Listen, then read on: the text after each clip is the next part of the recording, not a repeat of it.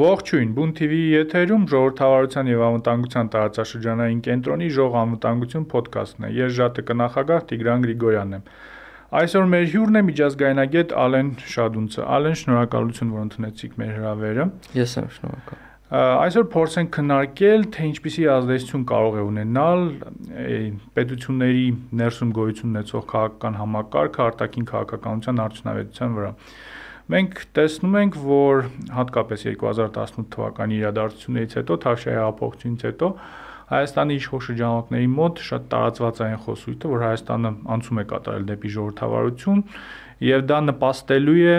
ինչ որ արտաքին քաղաքական նպատակներին հասնելու հատկապես ոչ պատերազմյան շրջանում այս խոսույթը շատ զարգացած է հիշում ենք որ նույնիսկ Ղարաբաղյան կարգավորման գործընթացում տարբեր ուղերձներ հղելիս հենց շեշտադրումը կատարվում էր այն հանգամանքի վրա, որ Հայաստանում արդեն իսկ լեգիտիմ իշխանություններ գոյություն ունեն, որ Հայաստանը դառնալով ժողովրդավարություն կարողանալու է ինչ-որ միջազգային աջակցություն ստանալ ինչպիսի տեսակետներ, ինչպիսի մոտեցումներ կան ակադեմիական գրականության մեջ այս հարցի վերաբերյալ հնարավոր է ավելի արդյունավետ դարձնել արտաքին քաղաքականություն ունենալով օրինակ ժողովրդավարական քաղաքական ռեժիմ Ach, schaut երևի բարդ ու ծավալուն հարց եք տալիս առաջին հերթին երևի պետք է խուսափել ամբողջությամբ զրոյացնել ռեժիմի տեսակի դերը արտաքին քաղաքականության մեջ նաև պետք է խուսափել շատ մեծ այսպես նշանակություն տալ դրան երևի ավելի ճիշտ կլինի սկսել հենց Միացյալ Նահանգների քաղաքականությունից որպես կոպիտ ասած հիմնական այդ պատրոնի այդ լիբերալ հեգեմոնի դերակատարում ստացած պետության, որը արդեն քանի տասնամյակ շարունակ հատկապես սառը պատերազմի կոնտեքստում աջակցել է կոնկրետ ինչ որ իդեոլոգիական բան համակարգ ունեցող երկրներին, որպես իրակ ավելի հարատևեն ուժեղանան ու մաս կազմեն, այսպես ասած, ժողովրդավարական բլոկի։ Տեսեք 2016-ից հետո, երբ որ շատերի համար հանկարծակիորեն Թրամփը ընտրվեց նախագահ, Միացյալ Նահանգների տարբեր ակադեմիական շրջանակներում սկսեցին նոր հոդվածներ ու գրքեր գրվել նրա մասին, թե արդյոք Միացյալ Նահանգները պետք է շարունակի աջակցել ժողովրդավարության տարածմանը կամ պահպանմանը իր սահմաններից դուրս։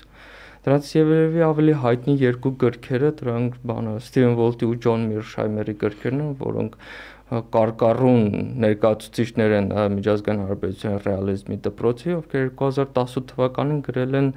աշխատություններ նշելով, որ Միացյալ Նահանգները պետք է զերծ մնա ժողովրդավարության տարածման կամ դրա խրախուսման կամ մարդու իրավունքների պաշտպանության քաղաքականությունից հատկապես հղում անելով Իրաքում տեղի ունեցած ֆիասկոյն հղում անելով Աֆղանստանում այդ պետականաշինության այդ գրեթե զրոյական արդյունքին, որ արդեն երկու տասնամյակ հետո ստիպված է տեղից դուրս եկան։ Սա մի կողմն է, որ նշում է, որ Միացյալ Նահանգները պետք է իրականացնի այսպես կոչված օֆշորային բալանսավորման քաղաքականություն, որ իր աշխարհամասում պետք է լինի հեգեմոն, իսկ մյուս աշխարհամասերում պետք է թույլ չտա, որ ինչ որ մեկը վերադարձ Մոնրոյի դոկտրինին կարելի ասել, բայց մենակ իրանք պետք է ունենա Մոնրոյի դոկտրինին։ Թույլ չտա, որ մյուսները իրենց Մոնրոն ունենան իրենց աշխարհամասերում։ Սակայն օրինակ հետաքրքիր որ 2018 թվականի վերջին Ջեյք Սալիվանը, ով գիտեք այսօր արդեն ինչ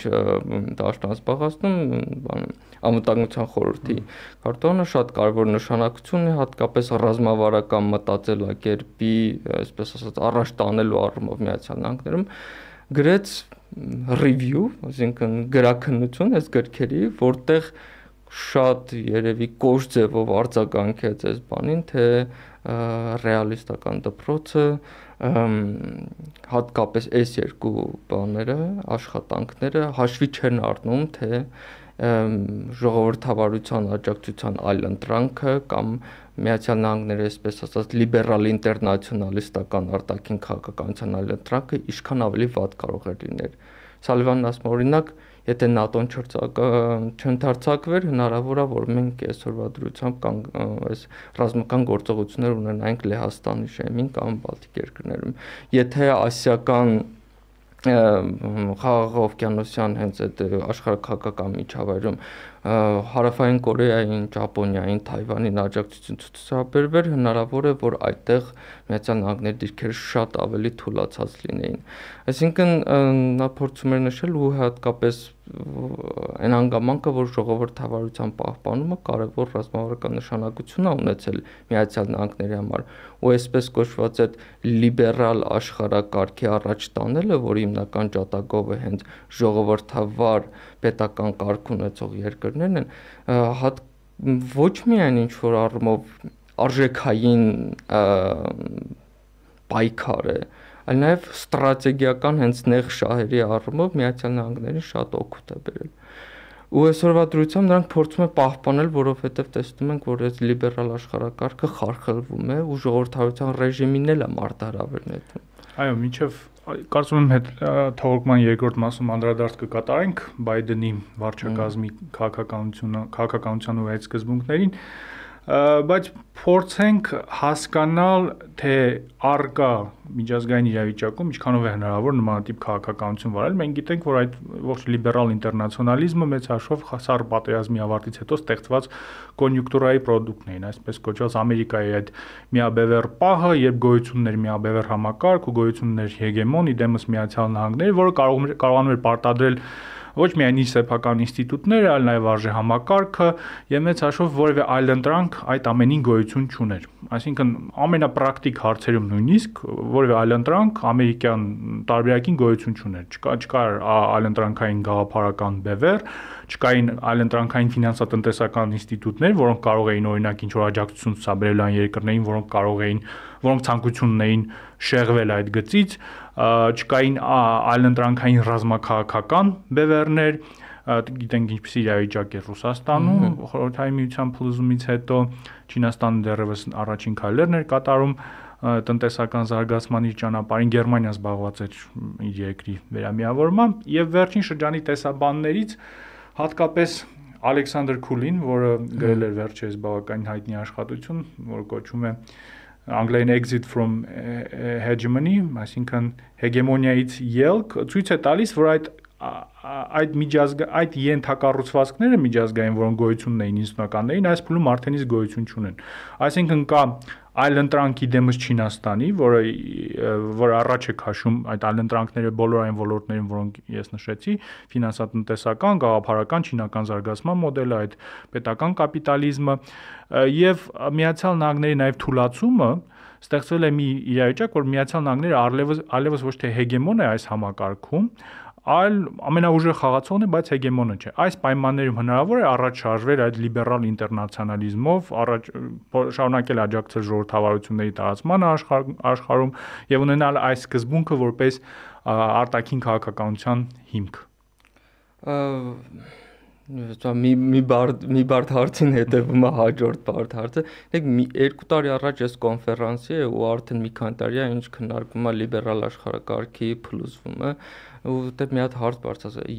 որ կետից ենք մենք սկսում ասել որ սա այլևս լիբերալ աշխարհակարգ չէ կամ կրիզիսի են շատերը Չէ, որ կետից եք սկսում ընդունել ապագայում այդ որ պահն է գալու, որ ասում ենք էլ այդ աշխարհակարգը գոյություն չունի, որովհետեւ կամ քանպես գոյություն ունեցել է թե չէ։ Այդ այդպիսի հարցադրում էլ կա։ Որովհետեւ լիբեր բանը, եթե նայենք այդ ջատագովներին, այդ աշխարհակարգի հատկապես երևի Ջոն Այկենբերին, որ երևի ամենաբան նշանավոր գործիչն է, ասում է ինչքան էլ շատ են դրա դեմ պայքարողները, ինչքան էլ շատ են դրան քննադատողները, այնուամենայնիվ որպես այդպեսին այլընտրանք դրան դեռևս չի ձևավորում։ Դրան հակառակ անգլիական դպրոցի ներկայացուցիչները Բարի Բուզան, Ամիտ Ավաչարյան, որ չի ասի անգլիական դպրոց ներկայացուցիչ, բայց ամենայն դեպս հարում է ինչ որ առումով այդ այդ ուղղությանը։ Նշում են, որ երկրորդում են Ալեքսանդր Քուլի ու նաև Դանիել Նեքսոնի պնդմանը, որ 90-ականներին ու 2000-ականների սկզբին եղած իրավիճակը դա պատմական անոմալիա է ու դրան արդեն հաջորդելու է ոչ միայն բազմաբևեռական բազմաբևեռ աշխարհը, այլ բևեռների մասին խոսելը հնացած է լինելու, այսինքն բևեռականություն ինքը դառնում է ավելի հնացած պատմականորեն տերմին։ Ու այստեղ արդեն իրենք խոսում են այսպես կոչված deep pluralism-ի մասին, որ ավելի խորը բազմազանության մասին, այսինքն այդ Ֆուկույամայի նշած պատմության ավարտին հաջորդում է պատմության վրեժը, որ հետ է գալիս պատմությունը նոր ուժով ու արդեն մարտարավեր անետում լիբերալ ժողովրդավարությանը։ Եթե Չինաստանը դեռևս թափ չէր հավաքել, ապա Չինաստանի կենտրոնացված ավտորիտար մոդելը այդ կապիտալիստական համակարգի հետ միասին սուրադրությամբ ինչ որ առումով ենթատեքստերով կառավարման որպես այլընտրանքա դիտարկվում։ Բացի դրանից, այստեղ ռեժիմի դերը կարևոր է նրանում, որ նաև այսօրվա դրությամբ ավտորիտար երկրները փորձում են այլընտրանքի դիսկուրս ստեղծել, հենց խարխլելով լիբերալ ժողովրդավարությանը։ Կարող է իրենք շատ բան չունեն առաջարկել, բայց իրենք ուզում են ցույց տալ ինչքան ֆունկցիոնալ առումով քաոտիկ է լիբերալ ժողովրդավարությունը։ Դրա համար է միտված օրինակ Ռուսաստանի միջամտությունը Եվրոպայում աչակողմյաններին աջակցելու տեսքով։ Ոչ միայն աչակողմյաններին, աչ ռադիկալ աչ եւ ռադիկալ, հա, հենց այն բանը պայտաձև բանի առումով, չէ, որ 2016-ին ինչ որ Twitter-յան հետազոտություն են անել ռուսական բոտեր ու տեսել են, որ հենց ռադիկալ աչ ու ռադիկալ ծախեր են բանում, որպեսզի ցույց տան, որ ժողովրդավարության ամենակարևոր կոմպոնենտներից մեկը, որ խաղի կանոնների ինչ որ բազային պահպանություն, որի հիման վրա ստեղծում է դիսկուրս, ինչ որ քննարկում ժողովրդարական գոյություն չունի, այսինքն այդ անդուխտն ճեղքում է։ Դա է պատճառը, որ այսօրադրությամբ օրինակ Բայդենը ասում է, մենք նկատեցինք, որ ժողովրդավարությունը, որ մենք մտածում ենք, որ ինքը անսասան է, այդքան էլ այդպես չի։ Ժողովրդավարությունը խոցելի է ու ժողովրդավարությունը պետք է պաշտպանել։ Դրա համար էլ իրենք փորձում են այսպես ասած պատնեշ կազմել, որպեսզի եթե ելեն Իրաքյան մոդելով ակտիվ միլիտարիստական ժողովրդավարություն չեն քարոզում, ապա գոնե փորձում են այն ինչ որ ժողովրդավարը պահպանեն, այսպես ասած բարիեր ստեղծեն, որովհետև եթե մի երկրում այդ համակարգը սկսում է խարխլվել, ինքը ունենում է, այսպես ասած, ալիքային էֆեկտ ուրիշ երկրների վրա։ Դրանից վերջերս Բրազիլիայում հետո պարզվեց New York Times-ը հոդված գրեց, որ իրենք ամերիկացիները ակտիվ աջակցել են, որպեսի Բոլսոնարոն Թրամփի օրինակով չփորձի խարխրել սահմանադրական կանքը կարգը բանում Բրազիլիայում ու որը ընտրությունների լեգիտիմ համարվեն ու իշխանության անցում լինի։ Այսինքն այստեղ իրանք վտանգ են տեսնում, փորձում են պահել այդ ժողովրդավար կարգերի, չգիտեմ, ինչ որ կայունությունը։ Այո, կարծում եմ հենց Ջեյք Սալիվանի հոդվածների շարքը կամ հրապարակումների շարքը միջև վերջին ընտրությունների Միացյալ Նահանգներում հենց շեշտը դրա վրա է դրված, որ իհարկե այդ ակտիվ ինտերվենցիոնալիզմը, որը գոյություններ Բուշի օրինակ տարիներին, պետք չէ գնալ այդ ճանապարհով, բայց այնուամենայնիվ ինչ որ աջակցություն պետք է լինել։ Հիմա փորձենք մեր զրույցը էլի էլի տեսական դաշտում, բայց ավելի փորձենք կենտրոնանալ այն հարցի վրա, թե արդյոք ժողովրդավարական ռեժիմները հակված են միմյանց աջակցել, եթե մի կողմ դնենք Միացյալ Նահանգները, որը ունի իր հստակ շահեր եւ օգտագործում է նաեւ ժողովրդավարությունը իր նպատակներին հասնելու համար, կա տեսակետ, որ հատկապես ուկրաինական պատերազմի մեկնարկից հետո ինչ որ միտումներ կարող են ձևավորել, որ ժողովրդավարական ճամփարներ կարող են ձևավորել եւ հիմնված հենց ռեժիմի տարատեսակի վրա կարող են աջակցել ժողովրդավարական ռեժիմներին։ Միևնույն ժամանակ կան բազմաթիվ հետազոտություններ եւ ես նախորդ թողարկումներից մեկում եւս հղում կատարեցի այդ աշխատությունը աշխատությանը Ռիտերի եւ Ստամի ժողովրդավարությունների պատերազմելիս գրքին, որոնք շատ հետաքրքիր պնդում են կատարում հիշատակելով ժողովրդավար ժողովրդավարական այդ խաղաղության տեսությունը, որ որ հիմնական թեզային է որ ժողովրդավարությունը կայացած ժողովրդավարությունները միմյանց դեմ չեն պատերազմում, նրանք նշում են նաեւ որ ժողովրդա կայացած ժողովրդավարությունները չեն պատերազմում նաև միմյանց համար, այսինքն զուտ այն պատճառով, որ ինչ որ ռեժիմի իր տեսակով ժողովրդավարական է, իր համակարգով ժողովրդավարական է, որևէ այլ երկիր, որը ունի եւս ունի ժողովրդավարական համակարգ, չի գալու աջակցի այդ այդ երկրին, եթե ճունի ավելի կարևոր ռազմավարական շահ այդ հարցում։ Որն է ձեր տեսակետը այս հարցում։ Ես է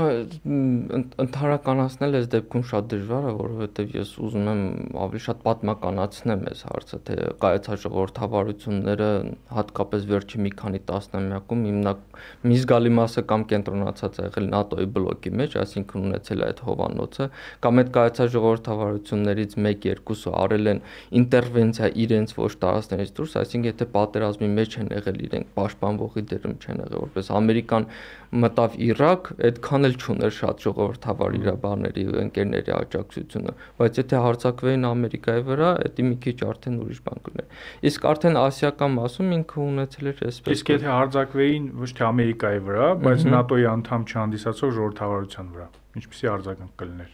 Աջակցություն կլիներ, ուղղակի այստեղ դժվար է չափել ինչ չափի աջակցություն, որովհետև այստեղ տեսնում ենք, որ կա գրադացիա, չէ, բաների, թե արդյոք այդ կոնկրետ դեպքը կդիտարկվեր հարձակում ժողովրդավարության մոդելի վրա, հարձակում իրենց արժեհամակարգի վրա, ներկայացուցչական առումով ինչքանով մեծ արժեք ունի այդ մի կոնկրետ դեպքը։ Օրինակ մենք տեսնում ենք, որ Ուկրաինայի վրա հարձակում ներկայացուցչական սիմվոլիկ առումով ավելի մեծ արժեք ունի, քան օրինակ Հայաստանի վրա հարձակումը կամ Վրաստանի վրա հարձակումը Ռուսաստանի կողմից։ Այսինքն ստեղ ինչ որ առումով ֆիքսված բան չկա, բայց կա ինչ որ տենդենս, որ պետք է ինչ որ ձևով աջակցել։ Այսինքն պետք է ձևավորվի դիսկուրս, որ սա հարձակում է ժողովրդավարության վրա։ Իսկ օրինակ տեսնում ենք, որ Թայվանի հարցում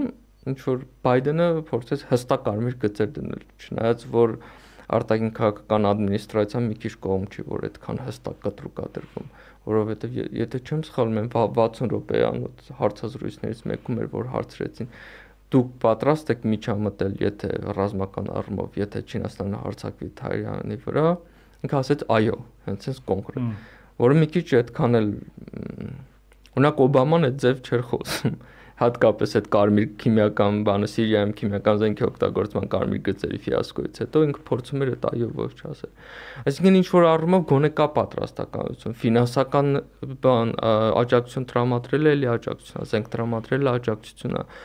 քարոշչական մակարդակում քննադատելը շատ փոքր է, բայց աջակցությունն է Հայաստանի դեպքում ինչ որ ձևով գոնե ֆասիլիտատորի առումով փորձել ռեսուրսներ դնելը, որ այնպես չստացվի, որ տարածաշրջանը վերածվի նրան, որ այսպես ասած ավտորիտար սակարկության միջավայր ստեղծվի Հայաստան, ոնց որ հիմա օրինակ մերձավոր արևելքն է սկսում գնալ դեպի դրան, դա էլ է ինչ որ ձևով փոքր աջակցություն։ Ուղղակի այստեղ իսկ թվում է կարևորն է նաև համադրություն ու հակադրությունը ավելի դասական, նաև շահերի հետ։ Այսինքն շարժող կոմպոնենտները ու պատմական յուրահատկությունները այնքան շատ են, որ ես մի քիչ հակված չեմ ընդհանրականացնել, որ ասել կաջակցի կամ չի աջակցի այդ առումով։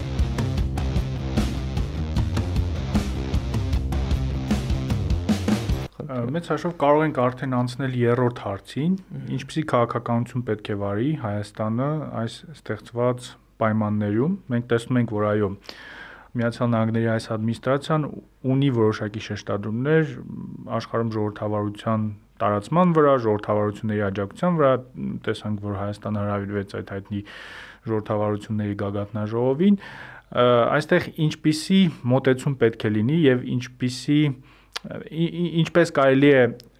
օգուտ ստանալ այդ այդ միտումներից եւ ինչպես կարելի է չգերագնահատել այդ միտումները այս այստեղ սպայդրությամբ ասում եմ վիճակը այնքան բարդ է որ փորձել գտնել ինչ որ ավելի օգտակար բաներ, գործիքներ կամ մոտեցումներ գնալով բավականին դժվար է դառնում։ Երբ որ ես լսում եմ շատ մեկնաբանների հիմնականում արդյոք ռետրոսպեկտիվ են ասում ինչը պիտի արվեր, որ այս օրին այսօրին չհասնեն։ Բայց համենայն դեպս այս հարցի ճիշտ պատասխանելու համար երևի լավ կլինի պատկերացնել այլընտրանքային սցենարներ, counterfactual-ներ անգլերեն կոչված։ Եթե վերընտրվեր Թրամփը, արդյոք Միացյալ Նահանգները կամ եթե վերընտրվի կամ եթե վերընտրվի, իրաց դրանից վախենում է մեր կողմը բավական շատ։ Եթե վերընտրվեր Թրամփը,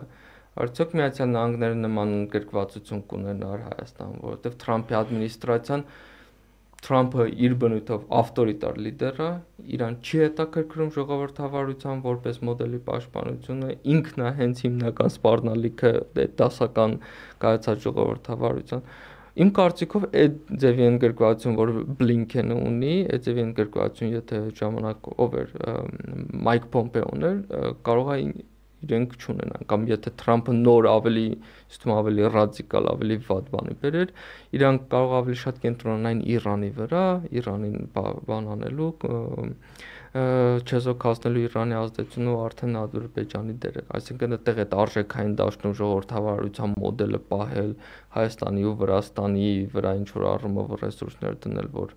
չգիտեմ, իրանք քիչ խոցելի լինեն տարածաշրջանային այդ կոնֆլիկտներին, այդքան չլինի։ Մյուս բանը այնա, որ եթե պատկերացնենք մի իրավիճակ, որ էլի Միացյալ Նահանգներում Բայդենն ընտրվել, բայց Հայաստանում հեղափոխություն չի եղել կամ 2021-ին հետո ընտրություններից հետո եկել է մի իշխանություն, որը բռնել է բան այդ լրիվ պրոռուսական գից արդյոք նման էլի միջամտություն կունենար Միացյալ Նահանգները։ Ես էլի մտածում եմ, որ այդքան չէ։ Արդյոք այս իր այս դրական այս միջամտությունը ինչքանով է դրական ինչքանով բանափոխում ամեն դեպքում Միացյալ Նահանգները փորձում է ցույց տալ, որ իր ներգրավվածությունը սահմանափակ է, բայց այնուամենայնիվ որպես ֆասիլիտատոր փորձում է ակտիվություն ցուցաբերի ու այստեղ իրենք մտահոգված են, որ եթե իրենք մենակ թողնեն Հայաստանին ու Վրաստանին, ապա այն 3+3 մոդելը, որ առաջարկվում է բան երեք երկրներ գումարած Իրան, Թուրքիա, Ռուսաստան, դա կգա փոխարինելու հարավային Կովկասում բոլոր կոնֆլիկտների ու անվտանգության հարցերի բանին կոորդինացիան։ Այսինքն էլ ԵԱՀԿ, էլ Եվրամիության միջամտություն, էլ արևմուտքի միջամտություն ուղղակի իրանք կչեզոքացվեն։ Կոպիտ ասած Shanghai Cooperation Organization-ի ինչ որ ավելի ոչ ֆորմալ մոդել կեքստրապոլացվի հարավային Կովկասում, որից իրենք վախենում են։ Դրա համար այսպես կոչված autocratic peace theory-ին կամ autocratic crisis management theory-ին, որ կարա ձևավորվի հարավային Կովկասում, դա Միացյալ Նահանգների կամ հենց Բայդենի ադմինիստրացիայի համար ոչ այդքան ցանկալի սցենար է։ Դրա համար փորձում են հնարավորինս քիչ ռեսուրսներով պահել այդ ժողովրդավարական ռեժիմի դերը ու երևի այդ է միակ բանը, որից կարող ենք կարճել։ Բայց ելին Հայաստանի ներկայացուցչական արժեքը այդքան մեծ չօրինակ ինչքան Ուկրաինային էլի այդ կամ նույնիսկ Թայվանին է։ Այո, մեծ հաշվով շատ ճիշտ նկարագրեցիք այն գործընթացները, որոնք տեղի ունեն մեր տարածաշրջանում եւ ձեր նախորդ պատասխանում նշեցիք, որ այդ մերձավոր արևելյան դինամիկան մեր տարածաշրջան տարածաշրջանացելով հարավային Կովկաս բերելու ինչ որ տենդենս գոյություն ունի այդ աստանայի ձևաչափը մեծ հաշվով այդ 3+3 ձևաչափի ձևաչափ այդ աստանայի ձևաչափը հարավային Կովկասում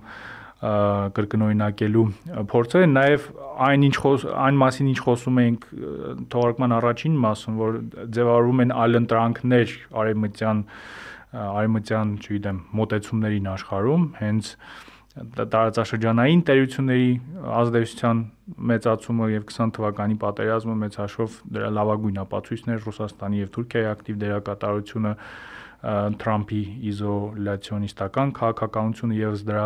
արդյունքներ, բայց այստեղ ամփոփելով արդեն թողարկումը եւ վերջին մի հատ հավելյալ հարց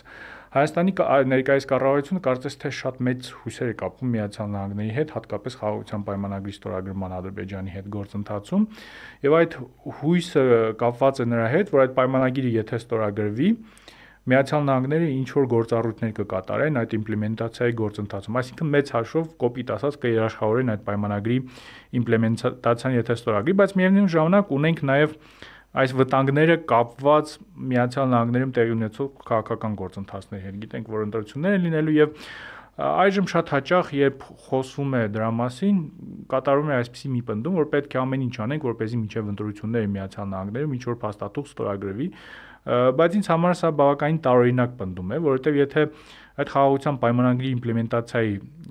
ապագան կախված է Միացյալ Նահանգներում ներքաղաքական զարգացումներից, սա նշանակում է, որ Միացյալ Նահանգների համար սա ինչ-որ ռազմավարական նշանակության հարց չէ եւ շատ հավանական տարբերակ է, որ Միացյալ Նահանգներում կարող է փոխվել իշխանություն եւ նոր իշխանությունները արդեն նմանատիպ ուշադրություն չդարձնեն այս հարցին Եվ այդ առումով հարցիս էությունը կայանում է նրանում, արդյոք հնարավոր է այս ժամանակակից աշխարհում, տեսնում ենք, որ երկրի ղեկավարը եւս անդադ խոսում է փոփոխող աշխարհակարգի մասին, փլուզող աշխարհակարգի մասին եւ ընդհանրապես աշխարհակարգ բառը վերջին շրջանում շատ պոպուլյար է դարձել Հայաստանում եւ ոչ միայն Հայաստանում, այս պայմաններում հնարավոր է խոսել ինչ որ միջազգային երաշխիքների մասին մեր համատեքստում երբ չկա այն միաբևեռ աշխարհը կարծես թե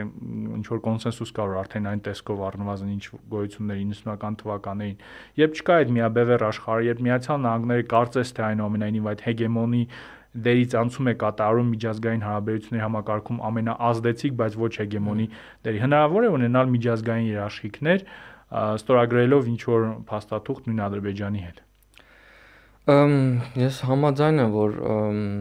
երևի աշխարհը ինչ որ առումով գնում է տարածաշրջանացման Այսինքն օրինակ եթե նայում ենք բանը ԵԱԿ Միսկի խմբին ինքը կոպիտ ասած 90-ականների 2000-ականների սկզբի բան է, ռելիկն է, հա։ Միաբևեռ աշխարհի ռելիկն է։ Հա, այդ դրա բանա սպեկտրալ ներկայությունն է, էլի sense ուրվական է դարձել։ Ու ինչ որ առումով մենք էլ ենք այդ գլոբալ դինամիկայզո, երևի ստեղ ամենա ողբերգականն է, որ եթե խնդիրների տարածաշրջանացումը լավ է տարածաշրջանային ուժերի համար, ապա այն շատ վատ է տարածաշրջանում գտնվող փոքր պետությունների համար, հատկապես նրանց համար, ովքեր որոնք ժողովրդավար են, որովհետև այս բանը տարածաշրջանային ավտորիտար ուժերը իրանք սիրում են սակարկությունների բանով եղանակով հարցեր լուծել, սիրում են շրջանցել այդ փոքր պետություններին, ինստիտուցիոնալ ներկայությունը փոքր պետությունների համար ու պլատֆորմների արկայությունը բավականին սահմանափակ են, Այսինքն միջազգային ինստիտուտը փոքր պետության ինչ որ բաներ տալիս, որ ինքը իր ձայն ունենար քվեարկելու կշիռ ունենար, վետո իրավունք ունենար եւ այլն։ Այսինքն Հայաստանի համար այդ առումով բավականին դժվար է դառնում, բայց քանի որ կոպիտ ասած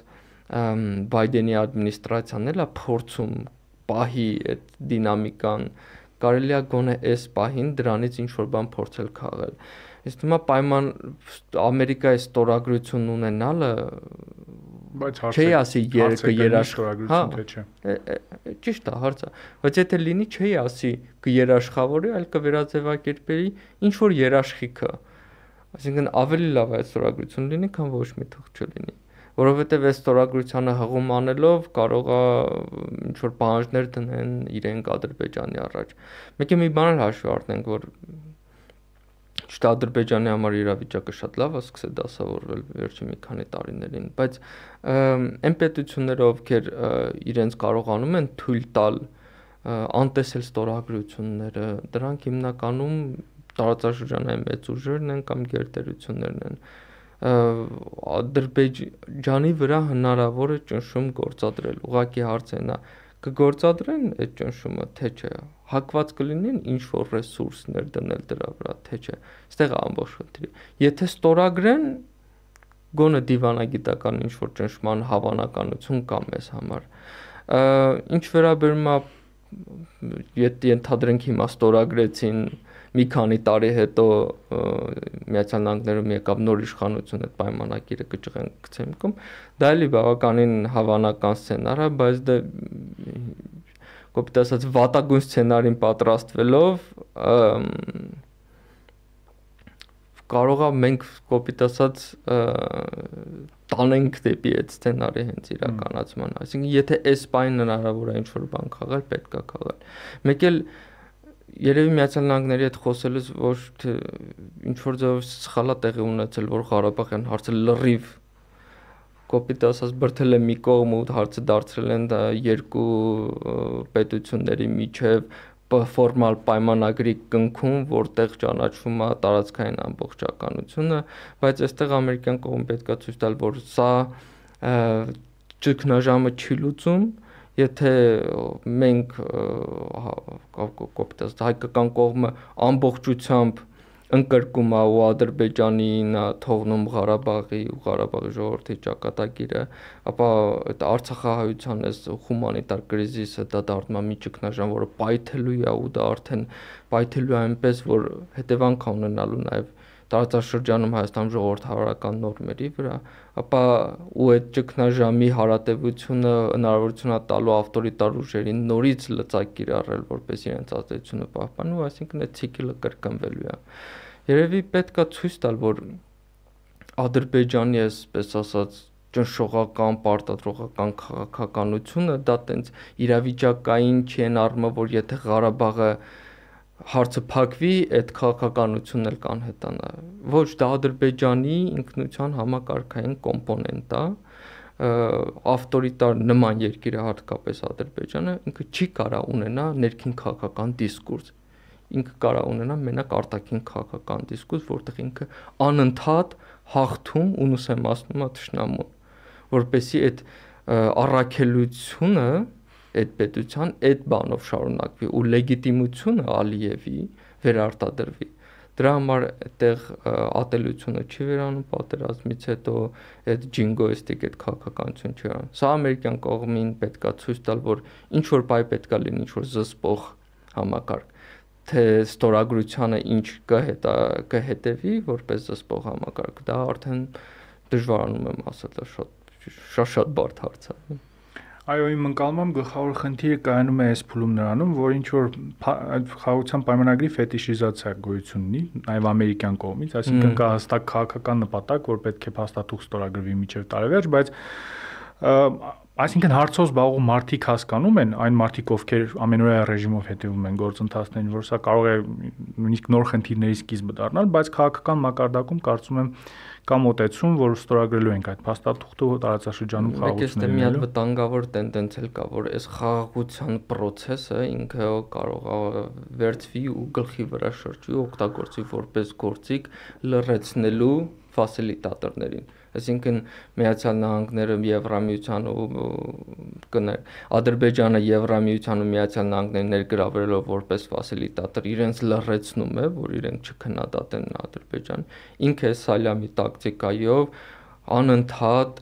քիչ-քիչ սխվում է օղակը